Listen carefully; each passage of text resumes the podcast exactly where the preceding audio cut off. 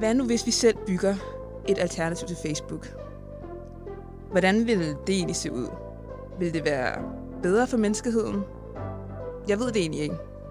Jeg er vildt nysgerrig på den nye generation af tech-iværksættere, som tænker anderledes, og som designer og tester nye platforme, nye modeller og måder at bygge sociale medier på. En af dem skal du møde i dag. Han sidder lige over for mig. Du lytter til podcasten nu. En podcast, hvor jeg prøver at forstå indretningen af vores digitale samfund, og hvad digital myndiggørelse og umyndiggørelse egentlig betyder. Jeg er din vært, Tabitha Mirambe. Velkommen til, Bjarke. Vil tak. du præsentere dig selv?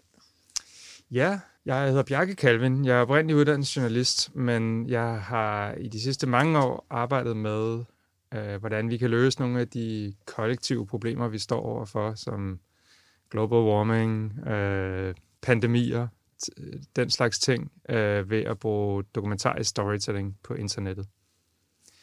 Øh, man kan kalde mig, nogen kalder mig direktør, det er sådan en flot titel, øh, og wow. øh, jeg holder også foredrag og skriver lidt blogposts og bøger og så videre. Så, øh, så, så jeg har egentlig lidt svært ved at sætte sådan en titel på mig selv. Iværksætter kan også være en titel. Men øh, hvad er hvad er dockling? Jamen, dockling er en, øh, en proces, som går ud på, og et produkt også, hvor vi prøver at finde frem til at lave et alternativ til de eksisterende sociale medier. Ja, hvad vil det sige?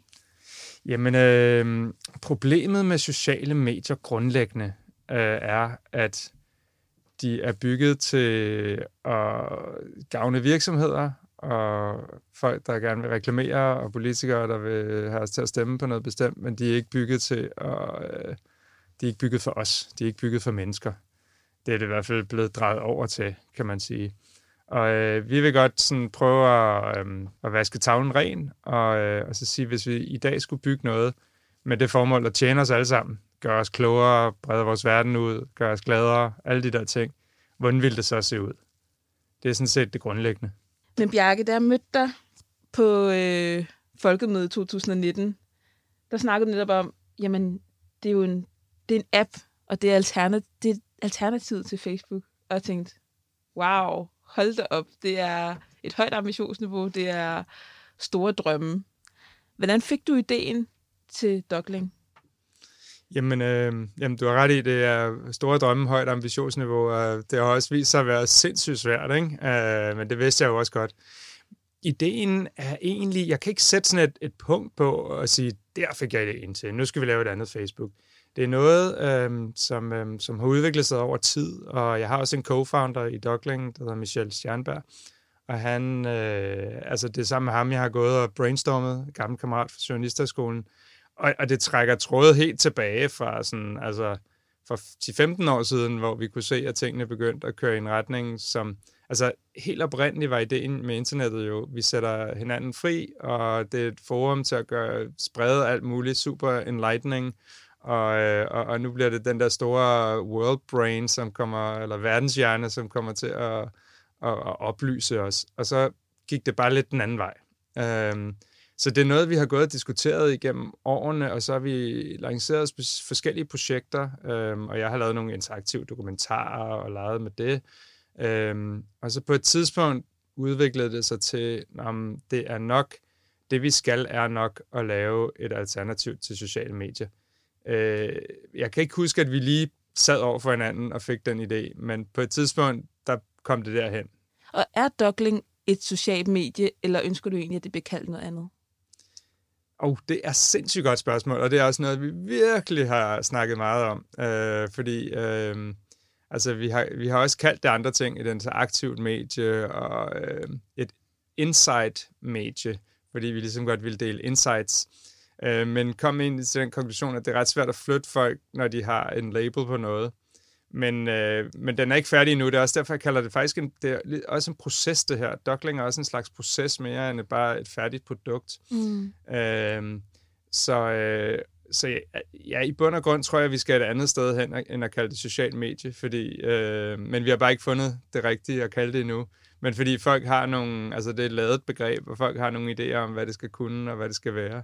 Yeah. Og øh, ja, så vi, øh, altså noget af det, vi, vi sidder i øjeblikket, for lige at tage historien, så, så lancerede vi det sidste sommer, øh, og vi fik ret hurtigt Uffe Elbæk, politikeren, med.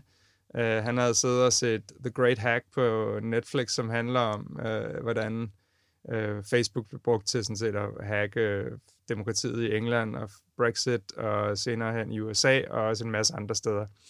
Uh, og han tænkte, øh, man kan da ikke være folkevalgt politiker, og så bruge al sin kommunikation online på Facebook. Øhm, så han, og så kom Duckling på hans radar, og så skiftede han til det. Og det er egentlig ret interessant, at ud af de der 179 folketingspolitikere, der er han den eneste, der har lavet den konklusion. Øhm, og det kan der være mange årsager til, det kan vi også komme ind på måske, men, øhm, men, men så, øh, og der tænkte vi, okay, nu har vi tur i den, nu vokser vi, og nu kører det, og så fladede det bare ud, fordi at det er rigtig svært at få folk til at skifte permanent til noget andet end Insta og Facebook og så videre, fordi altså, når de kommer over på et nyt socialt medie, så sker der jo ikke så meget.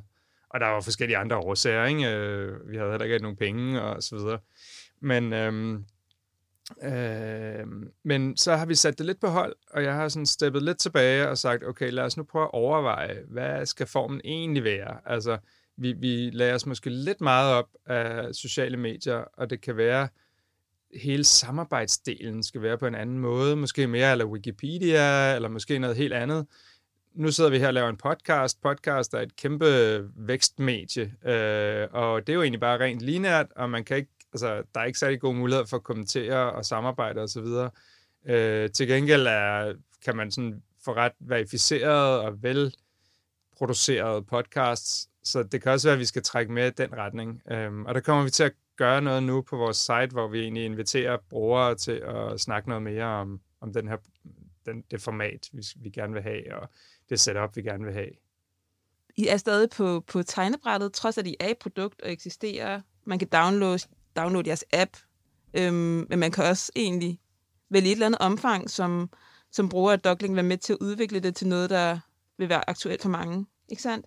Jo, det er sandt. Øh, vi, øh, og og det, det kommer vi til at gøre lidt mere af. Altså, øh, indtil nu har det meget været mig og nogle få andre, der har siddet og, og fundet ud af, hvordan formen og formatet skulle være. Øh, og der tror jeg, vi kommer til at åbne det noget mere op. Øh, udfordringen er selvfølgelig, at man er nødt til at sætte nogle rammer. Man kan ikke bare sige til folk, hvordan vil du have, øh, altså helt åbent, hvordan vil du have, det her skal være.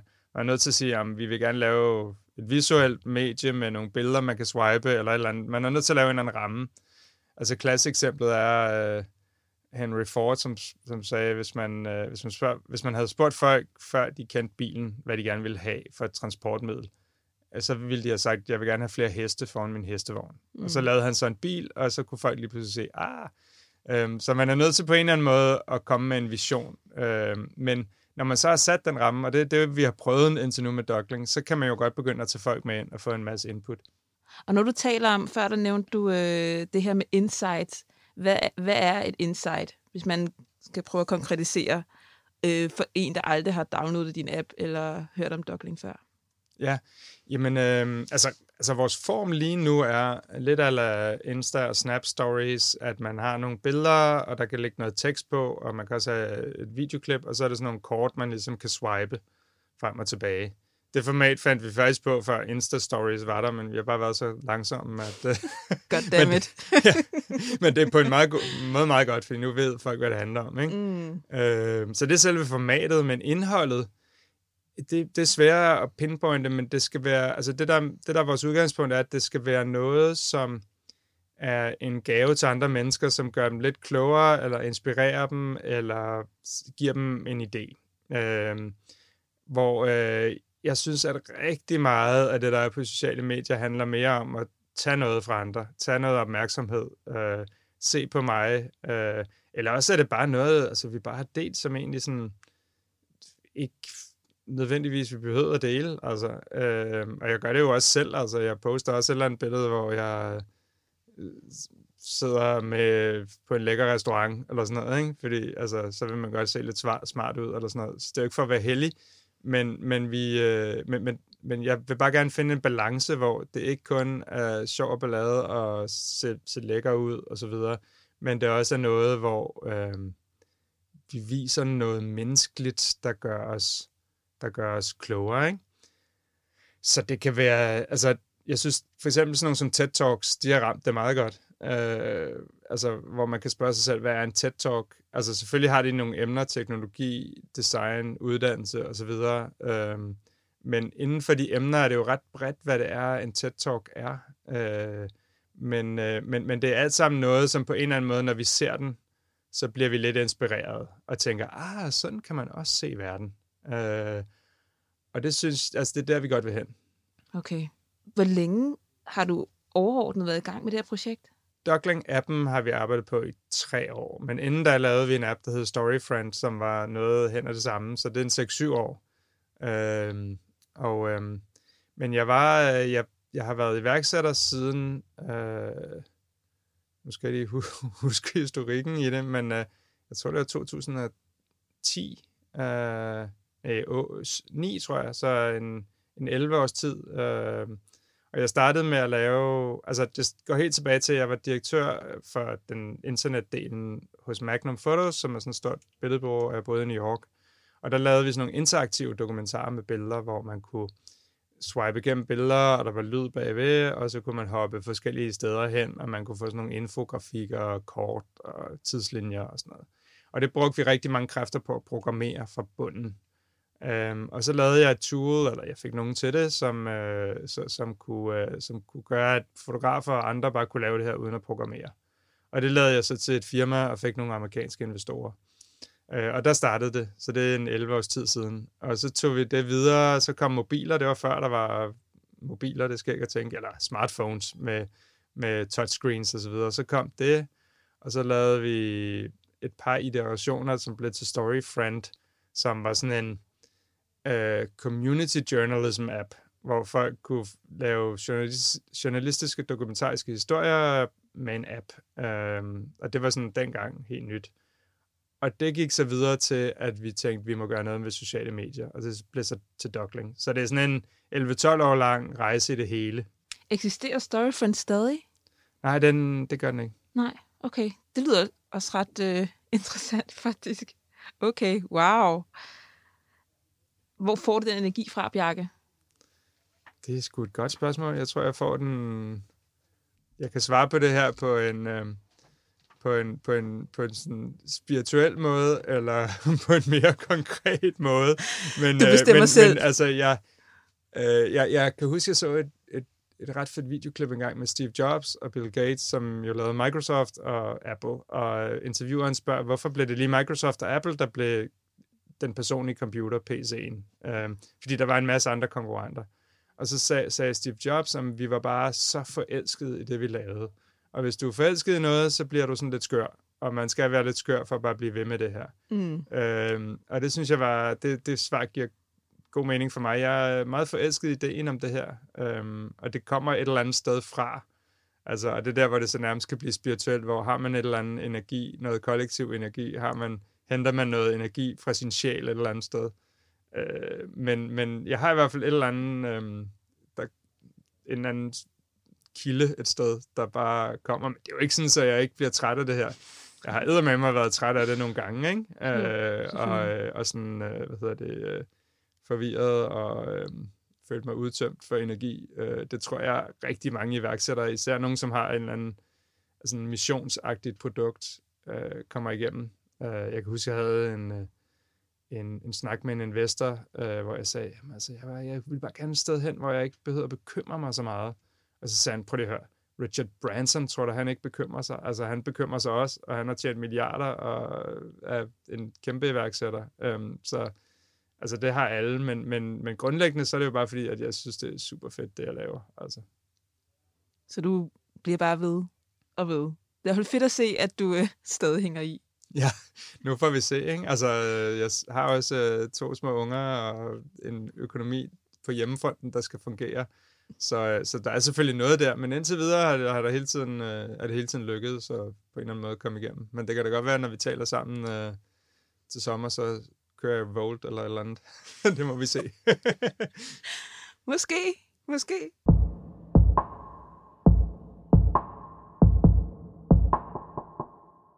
Hvem, øh, hvem bruger Duckling aktuelt? Jamen aktuelt har vi ikke, øh, den er ikke, øh, det er ikke sådan en en meget aktiv brugerskar, vi har, fordi vi med vilje ligesom lagde det lidt ned. Altså, det var også meget drevet af mig. Jeg var hele tiden inde og lave stories og kommentere på andres og så videre, og jeg fik det sådan lidt... Altså, det skal jo ikke være... Meningen med netværket er jo ikke, det er mig, der skal køre det.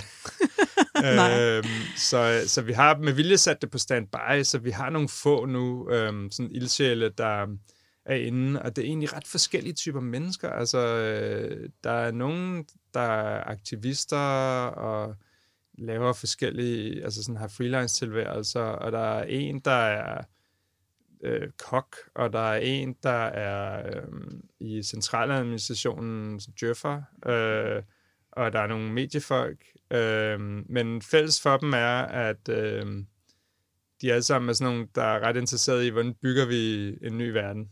Altså, hvordan øh, stiller, stiller vi nogle utopier op, øh, og, og hvad vil vi gerne hen til? Altså, hvad er vores idé om arbejde, for eksempel? Skulle vi, skulle vi retænke den? Øh, nu kommer robotterne, og hvad gør vi så? Og det er jo, det er jo også det, jeg gerne vil have Dockling hen af, så det er selvfølgelig mig, der har sådan lidt tiltrukket den type. Um, så, så, så jeg tror mest det sådan, altså vi, vi har arbejdet med en, en beskrivelse af vores brugere, som vi kalder creators of the future, altså fremtiden, skaber af fremtiden, mm. enten i tanke eller i handling. Intet mindre. Så det vil sige, at hvis man på din platform skal have noget indsigt i, hvad arbejdsmarkedet, eller fremtidens arbejdsmarked, hvordan det ser ud, øhm, og hvordan, hvad der bliver diskuteret blandt de her creators of the future, øhm, så er din app et godt sted at starte i forhold til at blive klogere på det, eller deltage i den Ja, det vil jeg sige. Det vil jeg sige. Det er, um, det er der, vi gerne vil være. Altså, der kommer til at ske så mange ting fremadrettet, så vi kommer til at skulle ændre vores måde at tænke over en hel masse ting, som vi i dag opfatter som, som nærmest naturlov. Øh, demokrati, arbejde, undervisning, skole, alt det der. Så, øh, så er det et rigtig godt sted at starte. Ja. Og når du siger, at robotterne kommer, er det så... Altså, mener du det? Ja, helt sikkert. Altså, en del af det, jeg har lavet i de forgangne år, er også, at jeg har brugt et år på MIT, Massachusetts Institute of Technology, som fellow. Der. Det er sådan en fellowship, er sådan et program, de har, hvor de inviterer forskellige kunstnere og iværksættere og alle mulige til at komme og være med i undervisningen og snakke med professorer osv. Og, og MIT sender jo rigtig meget af det her teknologi ud. Altså, jeg tror, der var en, der havde opgjort, at omkring 80% af iPhone er opfundet på MIT. Så det er sådan et center for geeks, der opfinder ting. Og um, altså, hvis, når man render rundt derovre i Boston, så kan man godt se, at altså, teknologien kom, er der jo. Den er der faktisk. Så det er bare et spørgsmål om, øh, hvordan vi sådan sociologisk og som samfund og politikere og mennesker modtager det her. Men der er så store fordele ved at bruge robotter og kunstig intelligens til en masse ting, at, øh, at jeg har meget svært ved at se, at det kommer til at overtage en hel masse. Altså, hvis man skal have malet sin lejlighed, øh, så kan man bruge en uge på det selv, eller man kan bruge 20.000 på, eller 100.000, hvor meget det nu, hvor stort den nu er, på at hyre nogle malere, eller du kan få en robot til at gøre det for 500 kroner. Altså, hvad vælger du så, ikke? Eller hvis du skal have lavet dit regnskab til din virksomhed, så kan du bruge 10.000 kroner på det, eller du kan få artificial intelligence til at lave det. Og, øhm, og på den måde er der rigtig, rigtig, rigtig mange jobs, som bliver erstattet. Altså vi troede også en overgang, at de kreative jobs var fredet, men altså vi kan jo se nu, at der er mange øh, journalistiske artikler, for eksempel i, i bladet allerede nu, der bliver skrevet af maskiner. Øh, og advokater og revisorer osv. bruger også artificial intelligence. Øh, så den der kombination er jeg helt sikker på kommer. Og øh, så der bliver en hel masse af vores jobs, som ikke længere er der. Og så skal vi jo så overveje, hvad gør vi så med den tid, vi har til rådighed? Fordi jeg tror at stadigvæk, der vil være super meget plads for mennesker til at udfolde sig på alle mulige måder, men det bliver bare noget på en anden måde. Så det er, altså det er der allerede, og det måske det bare mig, der er langsom, men jeg har ikke haft tænkt det som noget, der er snarligt, og det er også derfor, jeg behov for at høre, om det var noget, du mente. Fordi at det nogle gange bliver talt som om, at det er noget, der sådan er langt ud i fremtiden. Men du taler jo om det som noget, der allerede eksisterer, men mangler at blive implementeret, eller... Ja, altså vi... Øh, ja, det, øh, altså selvfølgelig skal der, der, skal, øhm, der er nogle ting, der skal gøres lidt bedre. Øh, det er super nemt at få en robot til at lave en specifik ting. Det er derfor, vi for eksempel ser rigtig mange støvsugerrobotter, ikke? og plæneklipperrobotter osv., fordi de skal bare klippe en plæne, eller støvsuge et gulv, men at få en robot til, ligesom vi ser i Star Wars med C-3PO og R2-D2, at de bare kan gøre alle mulige ting. Det er, det er rigtig svært. Mm. Så der mangler lidt. Øhm, men, øh, men, men grundlæggende ja, så er teknologien der. Øh, så ja, det, det er et spørgsmål om tid. Øh, ja. Interessant. Jeg bliver lidt bekymret. Også fascineret, men også lidt bekymret.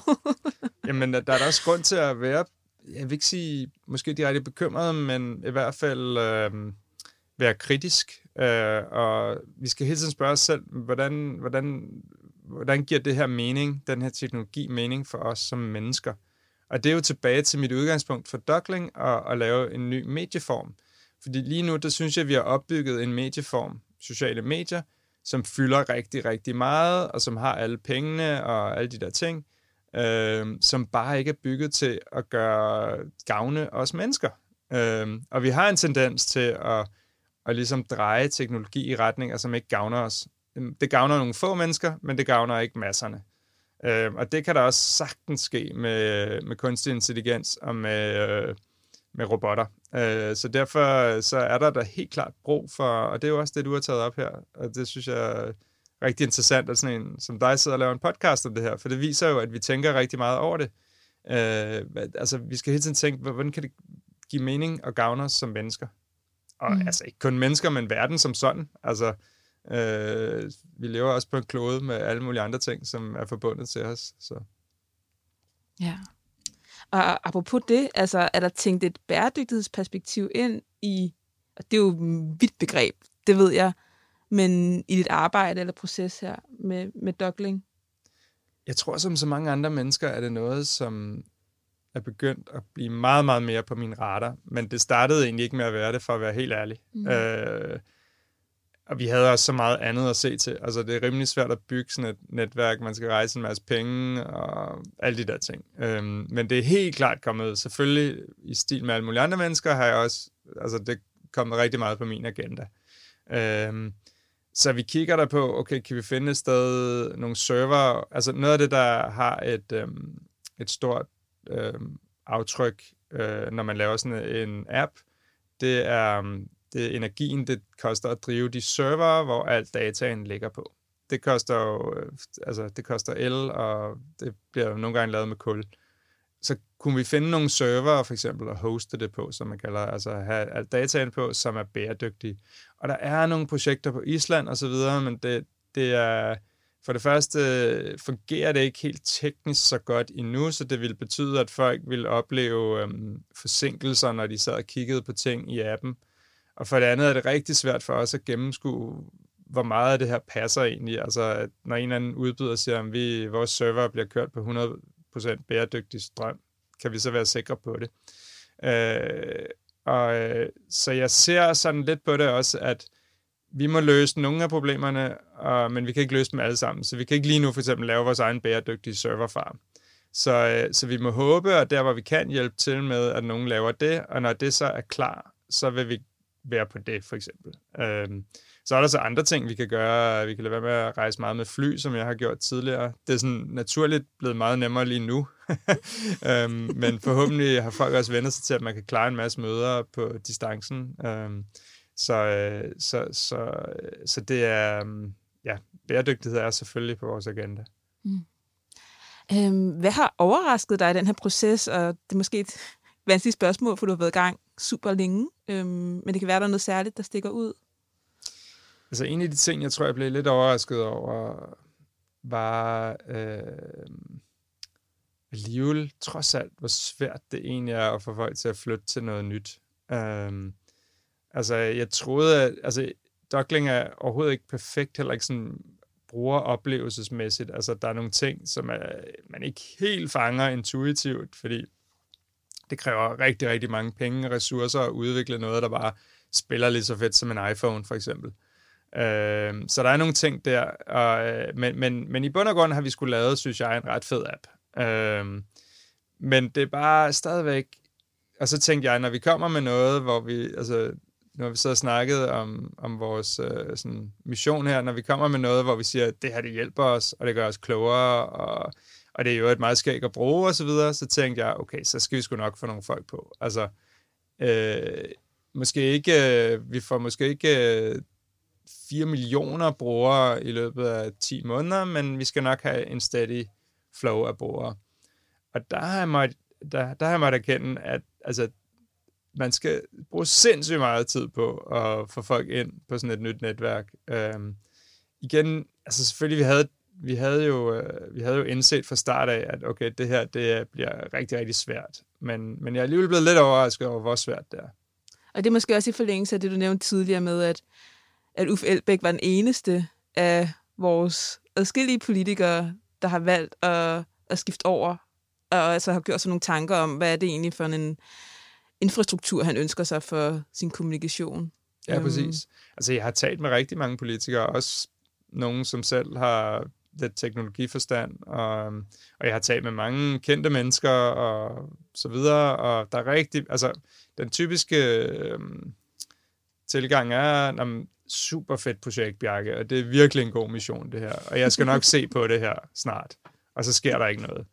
Og det er super forståeligt. Det er ikke, fordi jeg sidder og trasher folk. Øhm, og jeg forstår virkelig også godt det der med, at hvis du har en kæmpe følgerskar på Facebook som politiker, eller på Instagram, så er du jo nødt til at være der for at blive valgt igen.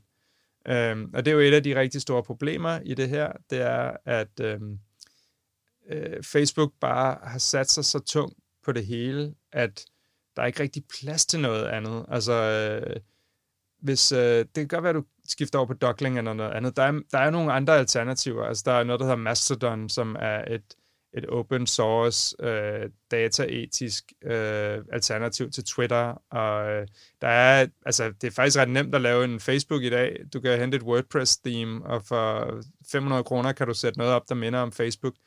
Men så kan det godt være, at man skifter derover og, øh, og, og, og, og ligesom når så langt, som man tager øh, valget og ryger over på det nye og så har du ikke særlig mange venner, men okay, måske er der en lille micro-community af geeks, som interesserer sig for det samme som dig.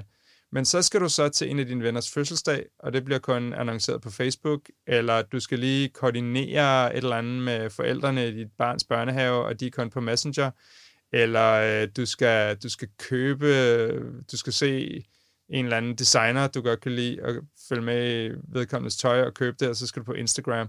Så det er næsten umuligt ikke at blive presset tilbage i det der. Altså, efter jeg begyndte at arbejde med det her, jeg kunne, jeg har sådan, jeg kunne godt tænke mig at prøve at for eksempel slette Messenger fra min telefon, fordi vi bare ved, at den ligger og data miner.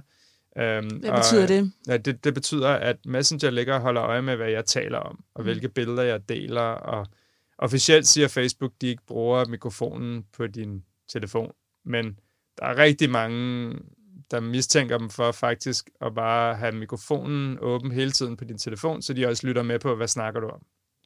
Og det kan de gøre, hvis du har installeret Messenger. Teknisk kan de gøre det, så det er også det, der får en til at være lidt mistænkelig. Hvorfor har de lavet teknikken til det, hvis de ikke bruger det? Øhm, og den, den data bruger de så til at give dig reklamer. Øh, men de kan også bruge den til for eksempel, eller altså reklamer for ting, men det kan også være for at stemme på det her, og så videre. Øhm, og der er, altså på det individuelle plan er det jo egentlig ikke så stort et problem. Altså hvis jeg har sagt til, øh, til Signe, min hustru, øh, skal vi tage til Bornholm næste uge, og så jeg begynder at få en masse reklamer for, Bornholm, for Bornholm. Altså for mig personligt betyder det måske ikke så meget, fordi jeg kan bare klikke dem væk. Men når, når det begynder at blive kollektivt, så er det, det begynder at blive problematisk, at et firma sidder på alt det her data.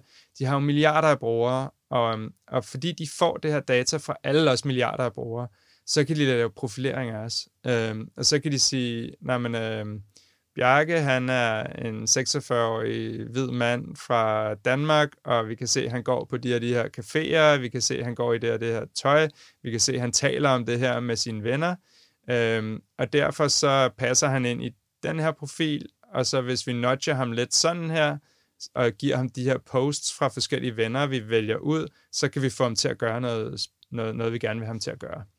Øhm, og det er der, hvor det bliver rigtig farligt. Og, og igen, altså, det er ikke sådan en robot-fantasi. Det er noget, der sker nu. Altså, det er sådan... Øh, altså, det er jo sådan, Cambridge Analytica fik rykket øh, vælgerne øh, i, øh, da Donald Trump blev valgt, og da Brexit skete osv. Det er sådan rimelig veldokumenteret. øh, tidligere medarbejdere fra Cambridge Analytica har talt om det osv. Så, videre. så det sker, og det synes jeg er problematisk. Øh, primært fordi, at, at det er i hænderne på en privat virksomhed, og det er alt vores kollektive data, altså det er vores kollektive liv, og det burde, det burde tilhøre os selv og tilhøre kollektivet. Altså jeg mener, det, det, er, rigtig, det er en rigtig fantastisk ting, det der med, at vi deler alt det her data i anonym form.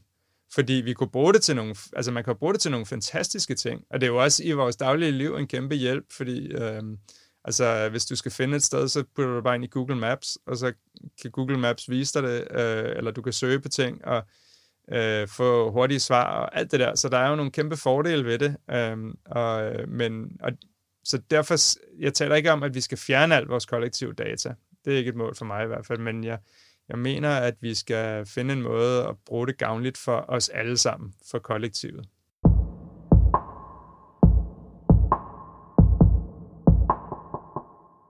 Og det taler jo egentlig også ind i øh, noget, som jeg talte med dig om tidligere, men hvad du egentlig tillægger digital myndiggørelse. Hvad betyder det egentlig for dig?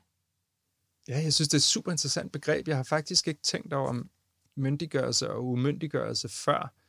Men altså sådan helt overordnet set er for mig jo, altså umyndiggørelse, det er, at der er nogle andre, der ligesom træffer de centrale valg i mit liv for mig. Øhm, så for mig er digital umyndiggørelse, det er det, jeg lige snakkede lidt om, at Facebook går ind og finder, eller virksomheder, der køber Facebooks data, går ind og siger, hvad er det, vi gerne vil have dig til at gøre, og så manipulerer de mig til det. Og den der manipulation, den foregår simpelthen så diskret og så udspekuleret, at det er rigtig svært for os at gennemskue. Øh, måske en nemmere, øh, et nemmere område for os at se det på, er det der med, at de også har bygget ting ind, der gør os afhængige. Så alle de her notifikationer og konstant sådan, små ting, der får os til at vende tilbage og tjekke Insta og tjekke Facebook og alt det her, er jo bygget helt med vilje. Og, og der har man jo formået at skabe nogle, nogle apps, og jeg synes, det er fantastisk øh, godt lavet, altså, øhm, men som hele tiden får os til at rette opmærksomheden mod det her. Ikke? Mm. Øhm, og det synes jeg faktisk er umyndiggørende, at vi ikke har kontrollen selv. Øhm, og så myndiggørelse er jo så det omvendte, at vi ligesom begynder at være i kontrol af tingene. Når du øh, bruger en app, så kunne du så vælge, hvad for noget data vil jeg gerne give til hvem, og øh, under hvilke præmisser og så videre. Det er selvfølgelig, øh, det er selvfølgelig sådan en, øh, en, et område, der kan være svært, fordi vi vil jo ikke alle sammen sidde og bruge øh, hver dag på at sidde og skulle fintune alle mulige privacy-indstillinger og data og så videre. Så der skal selvfølgelig være nogle generelle principper for os alle sammen, så, som vi bare bruger, men, men man skal også kunne, kunne, øh, kunne, kunne, øh, kunne snævre det ind og kunne arbejde med det selv. Øh. At det forudsætter selvfølgelig også, at vi jo så har kendskab til det her system. Øhm, vi har en fornemmelse af, hvordan det fungerer, sådan så at vi jo i kombination med, at der er principper, der gælder for os alle sammen, at vi også som, som enkelte individer kan gå ind øh, og præge det, og tage nogle til, tilvalg og nogle fravalg i forhold til, hvad vi synes giver mening, eller hvor grænsen skal gå for, hvilke oplysninger de skal have øh, om os. Øh. Jamen, helt ja. sikkert. Altså, der ligger, en, der ligger en dannelse eller en uddannelse i det her. Øh, altså i forhold til data faktisk. Øh, fordi altså, hvis man skal kunne træffe valg omkring sin økonomi eller alle mulige andre ting i sit liv, øh, for at kunne være myndig generelt som menneske, så kræver det jo også, at man har lært noget om de her områder. Øh, og der tror jeg, der helt klart er sådan en dannelsesproces i at forstå, hvordan hænger, hvordan hænger internettet sammen. Altså, øh, lige nu så er det så Facebook, Amazon og Google primært, og til en vis grad Apple og Microsoft, som sidder på alt vores data. Øh, men man kunne sagtens lave internettet på en helt anden måde. Uh, faktisk Tim Berners-Lee, ham der opfandt World Wide Web, som jo er det, der gør, at vi kan se internetsider. Uh, han har lavet et nyt projekt, som hedder Solid, uh, som handler om at sætte data fri. Uh, når vi bruger e-mail, så er det jo interessant. E-mail blev bygget i internettets spæde barndom. Øhm, så den er bygget med den intention, som egentlig var, var, var fra start. Så hvis du kigger på e-mail, så er det ret nemt for dig at bruge forskellige e-mail-programmer. Altså, du kan bruge Outlook, eller du kan bruge Google Mail, eller du kan bruge øh, din Apple Mail. Og det, der skal du bare gå ind og sætte øh, et par passwords og lidt information ind, og så henter den alt dit mail. Øhm, og hvis du vil, kan du også skifte øh, din, øh, kan du tage din mail over på en helt anden server og så videre. Så mail har man ret meget kontrol med. Hvis man sammenligner det med, med instant messaging, så øh, skal du bruge Messenger, der kan du kun have dine Messenger-beskeder. Altså du kan ikke lige pludselig øh, hive alle dine Messenger-beskeder ind i WhatsApp, eller den anden vej rundt. Så de data i WhatsApp er, er hægtet sammen med WhatsApp, og de data i Messenger er hægtet sammen med Messenger. Og der vil Team Berners-Lee gøre det sådan, så data og de programmer eller services, vi bruger til at gå til data med, er hægtet fra hinanden. Så, øh, så og hvis, hvis, hvis nettet var lavet sådan, så ville vi kunne sidde og poste ting til vores venner øh, på Facebook, men vi ville også kunne sige, at jeg vil faktisk jeg vil hellere bruge Dockling end Facebook. Og når vi så logger ind i Dockling, så følger alle vores venner og vores posts, vores billeder, alle de ting, vi har på Facebook, følger bare med. Fuldstændig ligesom når du skifter fra Gmail til Outlook, så følger alt dit e-mail med. Øhm, men den er, den er svær at få implementeret i øjeblikket, fordi der er ikke en generel forståelse for det her. Altså allerede nu, når jeg sidder og prøver at forklare det her lidt pædagogisk, så bliver det lidt geeky. Så det er selvfølgelig svært. Men hvis vi får den forståelse, så kan vi faktisk få skabt et fuldstændig andet internet.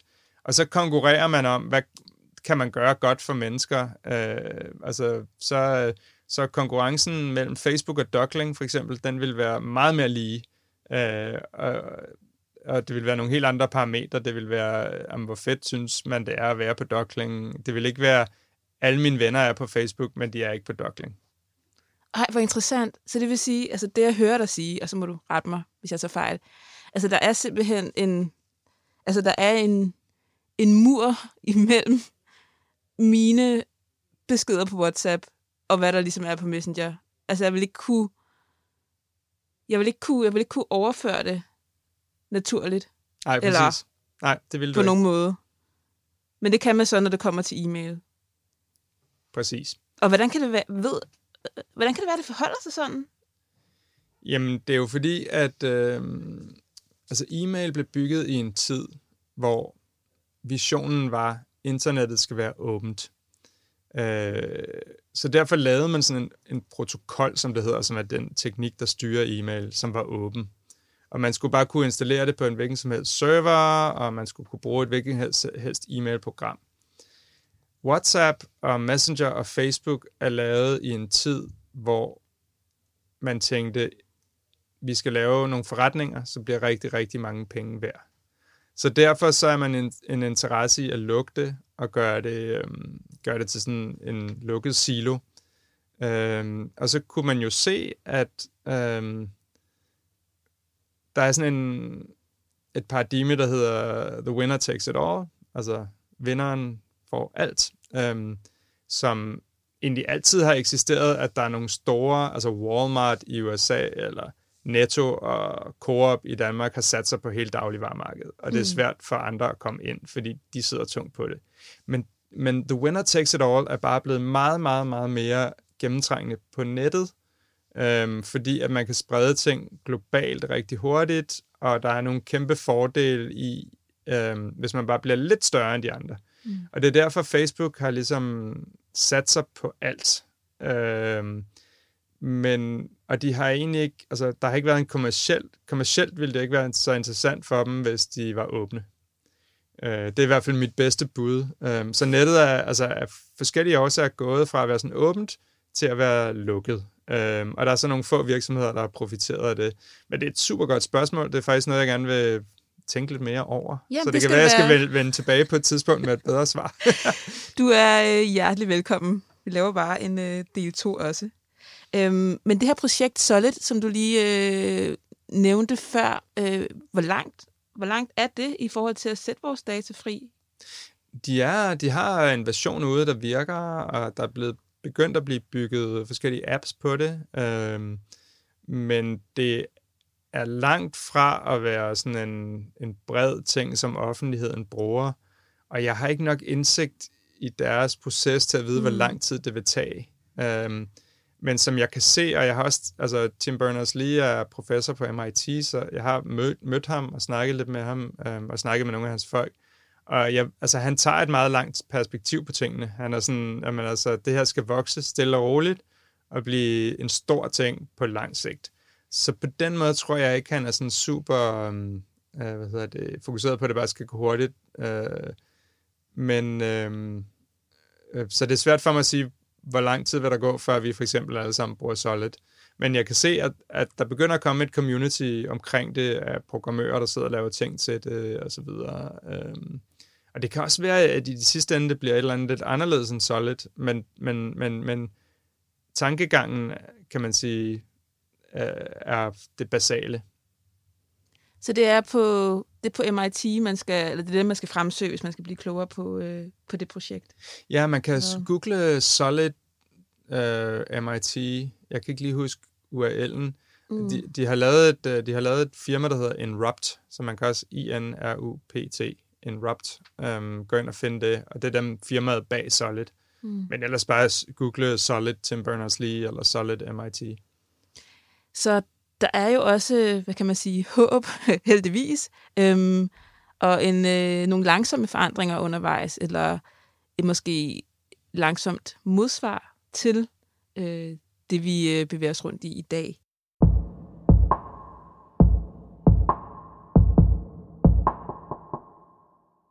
Hvad vil du, Bjarke, ændre, hvis du havde al magt i denne verden? Det er et rigtig fedt spørgsmål, synes jeg.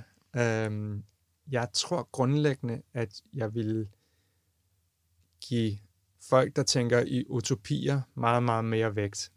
Øhm, alt det, vi har nu, vores demokrati, vores øh, menneskerettigheder, alle de der ting, er startet som en ren utopi.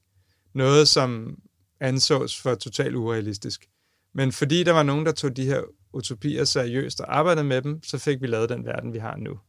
Og det er en ret god verden, men den kan også blive meget, meget bedre, efter min mening. Altså, jeg synes, det vil være begrænsende for os at stoppe verden her. øhm, problemet er, at vi har bare mistet de der utopier sådan generelt, og der bliver ikke, altså, der er ikke rigtig plads til dem. Altså, jeg ville jo ønske, at altså, nu bliver der bare holdt pressemøder efter pressemøder efter pressemøder om, om corona. Jeg ville ønske, at øh, man bare fik sådan et pressemøde, hvor Mette Frederiksen sagde, nu har jeg faktisk sat mig ned hernede i 10 dage og bare tænkt over tingene. Og jeg synes, vi har behov for øh, at lave et kæmpe globalt samarbejde om det her, fordi vi kan jo ikke løse alle de her pandemier hver især. Øh, og jeg synes også, nu hvor vi alligevel sådan har sat det hele på pause og lukket ting ned, lad os så prøve at se, om vi ikke kan øhm, egentlig skabe noget, der ikke bare er rent vækstbaseret og ødelægger verden. Øhm, kan, vi, kan vi redefinere måden, vi forbruger på? Alle sådan nogle ting. Altså tænk, hvis hun tog sådan en super high-level approach. Nu sidder jeg bare brainstormer, men, men, men altså, øh, og opstillede en eller anden utopi for noget, vi skulle arbejde hen imod de næste 10, 20, 30, 50 år. Øhm, igen, vi ved jo, at de her disruptions, for at bruge et, et slidt begreb, men altså noget, der vender op og ned på vores verden, de kommer jo. Altså, robotterne kommer, artificial intelligence kommer. Vi bliver tvunget til alligevel at tænke anderledes i forhold til jobs og samfundsøkonomi og alt sådan noget.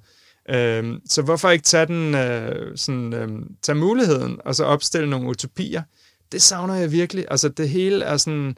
Øh, øh, vi hopper fra isflag til isflag, samtidig med, at de bliver mindre og mindre isflagerne. Ikke? Øhm, og hver gang der er nogen, der opstiller sådan nogle store visionære, eller de vil ikke engang være kæmpe store, men bare sætter sig ned og siger, at det skulle da en åndssvær måde, vi gør det her på, skal vi ikke gøre det på den her måde, så bliver de lidt skudt ned som sådan urealistiske.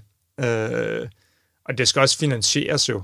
Øh, ja, men der tænker jeg jo, at vi skal nok finde en måde at finansiere tingene på, hvis vi i første omgang finder ud af, hvad det er, vi vil. Altså, øh, alle de ting, vi bygger, starter jo med, altså alle de store ting, vi har bygget i verden, er jo startet med, at nogen har sagt, om vi vil gerne det her. Og så arbejder man så bagud og finder ud af, okay, hvordan finder vi pengene og teknologien og alt det der til det. Øhm, ja. Så utopierne og det at tro på dem, og ikke lade sig vel egentlig intimidere af den latterliggørelse, der også nogle gange kan, kan opstå, når man kommer og har en god idé, eller har nogle drømme og har nogle ønsker. Ja, præcis. Mm. Der er en rigtig god bog faktisk øh, af en hollandsk professor, som hedder Utopia for Realists. Jeg ved faktisk ikke, hvad den hedder på dansk, men hvis man googler Utopia for Realists, så kommer den, som handler om noget af det her, jeg lige har snakket om. Jeg kommer også til at tænke på det, når du siger det der i forhold til politik, så kommer jeg også til at tænke på, at det er også det, det er vel egentlig også en af de grunde til, at man har stemt visse partier ind i Folketinget. De har haft et udgangspunkt, hvor de har haft en drøm om noget, om noget andet. De har haft en drøm om en, om, en, om en anden måde at fungere på som samfund, eller en anden måde at være menneske på i samfundet, ikke sandt? Men så er det som om, at så... Ja, det ved jeg ikke. Jeg ved ikke, hvad der sker. Men så... Øh, måske, måske dør utopien i mødet med... I mødet med et flertal, der ikke køber ind på samme præmis, eller jeg ved det ikke. Men Jamen, det er jo vigtigt. Det, det, jeg synes, det er en meget rigtig observation. Altså, det er jo, det er jo et ret komplekst område, og der er folk, der ved mere om, hvorfor politik har udviklet sig, som det har, end, end jeg gør. Øhm, men det, at man kunne have nogle mega interessante diskussioner om det, og snakke om det. Øh, altså, men der er jo noget med, altså det er sådan i nyere tid, øh, at man begyndte at kigge enormt meget på data igen. Altså, hvad, hvad vil folk gerne have, meningsmålinger og alle sådan nogle ting. Øhm, og så forsøger man at give folk det, de gerne vil have. Øhm, og hyre spindoktorer til at rette budskabet på den rigtige måde, og så videre. Og jeg synes, nogle af de rigtig, rigtig store politikere i, øhm, igennem verdenshistorien har, har formået at stille sig op på talerstolen og give noget, overbevise folk om en ny retning, som ikke nødvendigvis var populær. Altså, jeg tror heller ikke, det var specielt populært. Altså, jeg ville godt have en historiker til at gå mere ind i det her, men, men, som, men jeg mener, at det var nok ikke specielt populært. Og, øhm, altså, hele vores øh, velfærdstanke og, og samfund, da den oprindeligt blev, blev lanceret. Men der var nogle folk, Stavning, andre, som, øh, som godt kunne overbevise nogle velhavende mennesker for eksempel om, at det var alligevel i deres interesse, at samfundet øh, fik en sammenhængskraft, og øh, at vi holdt de svageste oppe osv. Øh, men hvis man havde været populist, var man nok gået en anden vej dengang. Eller øh, Roosevelt, som fik, øh, som fik rejst USA efter den store depression ved at indføre forskellige ting, som heller ikke var sådan bredt populære og så videre. Ikke? Øh, så jeg savner lidt de der, der, der kan stille sig op og punkt et, sætte en utopi op, som ikke nødvendigvis er bredt populært i samfundet, og så også overbevise folk, nok folk om, at vi skal den vej. Øhm, men så kommer man også ind i en kæmpe diskussion om, om Bjarke, hvis du har den holdning, hvorfor stiller du så ikke bare op, op til Folketinget? Altså, øhm, men der er et andet niveau, som er, at det er faktisk blevet rigtig, rigtig svært. Altså, vi kan stemme selvfølgelig til folketingsvalg, men, men, øhm, men udvalget af dem, vi kan stemme på, er rigtig svært for os som borgere at gøre noget ved. Øhm, fordi at man skal have en lang karriere i en partiforening, øhm, eller man skal have blevet kendt på en eller anden måde og blive minister. Øhm, så man skal have gået igennem et kæmpe apparat i dag for at blive øh, folketingspolitiker. Du kan ikke bare kom, jeg kan ikke bare komme ind og sige, at jeg vil godt stille op til Folketinget. Øhm, eller også så skal man have rigtig, rigtig mange penge. Øh, min far stillede op til EU-valget for Venstre, øh, ikke det seneste valg, men det forrige. Øh, han brugte i hvert fald op mod en halv million af sine egne penge på det her, øh, fordi at lave busannoncer og øh, alt muligt. Altså, det, det, er simpelthen, det er simpelthen så dyrt, og det, det er sådan noget almindeligt, eller mange af os ikke tænker over. Man kan ikke bare stille op til ting. Altså, det, det er dyrt, eller det kræver lang tids arbejde i et hierarki. Øh, så der er noget der, der måske også øh, vi skal pille ved på en eller anden måde. Fordi det kræver da i hvert fald, altså og det har jeg i hvert fald prøvet at genfinde på det sidste, altså interessen for det lange, lange seje træk. Ikke sandt? Kombineret med massiv finansiering, tydeligvis. Ja. Altså igen, vi kan jo selvfølgelig gøre nogle kollektive ting. Mm. Øhm, altså det kunne da være ret skægt på at lave Kickstarter-funding til en eller anden politisk kandidat eller så videre. Øhm, så der er nogle muligheder der, mm. øhm, som jeg tror, vi også kommer til at arbejde meget mere med i fremtiden. Altså det er også den retning, vi drejer Dockling nu. Øhm, den oprindelige tanke med Dockling var, at vi skulle prøve at bruge den model, som de andre i Silicon Valley bruger. Altså Facebook og Twitter og Instagram og WhatsApp og alle de her har jo, altså de har gået ud og bygget et produkt, gjort det gratis, fået en hel masse mennesker til at bruge det, og så har de rejst en hel masse millioner fra venture kapitalfonde. Øhm, og jeg har tidligere fået venture funding, og det gik egentlig rimelig nemt, så jeg tænkte, okay, øh, nu laver vi det her projekt med venture funding også. Øh, og så er det gået op for mig, at man kan sgu nok ikke rigtig slå Facebook på Facebooks præmisser. Øh, så i øjeblikket, og vores tanke er jo heller ikke, at vi vil gøre Duckling til en kandidat, som vi kan sælge til Facebook, og så kan jeg blive milliardær på det. Nej, jeg vil faktisk gerne lave et alternativ jo. Så derfor så øhm, overvejer vi en ny ejerform, øhm, som kan være en fonds, et fondsejerskab, eller det kan være sådan en, en social benefit øh, corporation, hedder det på, øh, på amerikansk. Jeg tror, jeg tror, det hedder social organisation, social virksomhed på dansk, øhm, hvor man lægger nogle principper ind, hvor man for eksempel ikke kan sælge virksomheden, og man må ikke føre kæmpe overskud ind til, ud til ejerne og så videre. Um, så, så vi er ved at prøve at finde ud af, hvad, hvordan skaber vi et, en anden form for ejerskab, som også bliver mere kollektivt. Um, andelsbevægelsen er en rigtig god øh, idé også, for eksempel. Um, så, uh, så, så der kommer nogle, altså jeg tror, det, det, øh, altså den kollektive, kollaborative tilgang rummer nogle muligheder, som vi endnu ikke fuldt ud har brugt. Spændende. Spændende. Det glæder mig virkelig meget til at følge med i. Øh, hvor, kan man, øh, hvor kan man finde dig hen, Bjarke, hvis man gerne vil støtte dit projekt? På Facebook, med? ikke? det, er, det er simpelthen så skægt, ikke? Men altså, jeg skriver jo om alt det her på Facebook også. Altså, øh, det er ironisk. Ja. Øh, altså, man kan også gå ind på duckling.co. Duckling.co. Og øhm, så, øh, så kan man signe op til et nyhedsbrev der, som jeg sender ud, øh, og følge med i tingene der. Men ellers er jeg på sociale medier, Bjarke Calvin, øh, på Facebook, og jeg er også lidt på Instagram og så videre, fordi jeg står i det samme dilemma, som alle andre står i. At hvis du vil have noget ud, så må du gøre det der, hvor der er nogle mennesker.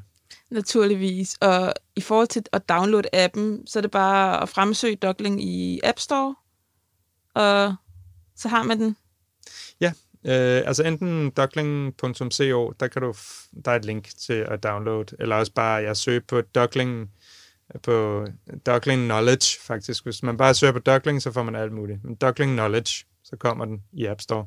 Desværre har vi ikke rigtig en ordentlig Android-app, hvilket også er noget af det, vi virkelig skal arbejde på. Mm, okay. Og hvordan kan man ellers på anden vis øh, støtte dig? Men altså, hvis du, altså det, det bedste støtte lige nu, det er at gå ind og sign op på duckling.co, fordi, og give os lov til at skrive til dig. Fordi så skriver vi på et tidspunkt, når vi virkelig har brug for et eller andet. Det var virkelig spændende at høre din fortælling, Bjarke, og rigtig dejligt at se dig igen, for den sags skyld. Øhm, og vi må, ja, lave en del to på et tidspunkt, for der er rigeligt at snakke om. Anytime. Jeg synes, det er fantastisk, at du har kastet over det her. Det er der brug for meget mere af. Og så vil vi øh, afslutningsvis vil lige øh, tease det kommende afsnit, som kommer til at handle om et mere historisk perspektiv på vores tech-begejstring øh, i Danmark. Øh, hvad er det egentlig for nogle idéer og værdier, vi øh, overtager øh, fra Silicon Valley? Øh, glæd dig til at møde øh, vores øh, næste gæst. Det var egentlig øh, alt for nu og øh, tak fordi du lyttede med.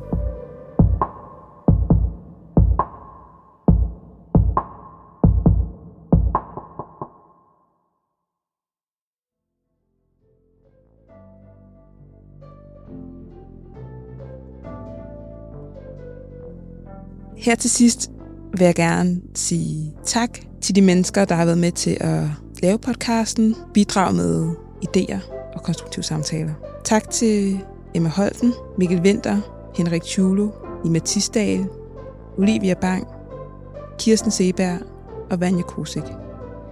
Og tak til Mie Brandstrup for produktion, redigering og køndig vejledning, og Josh Lorentzen for musikken.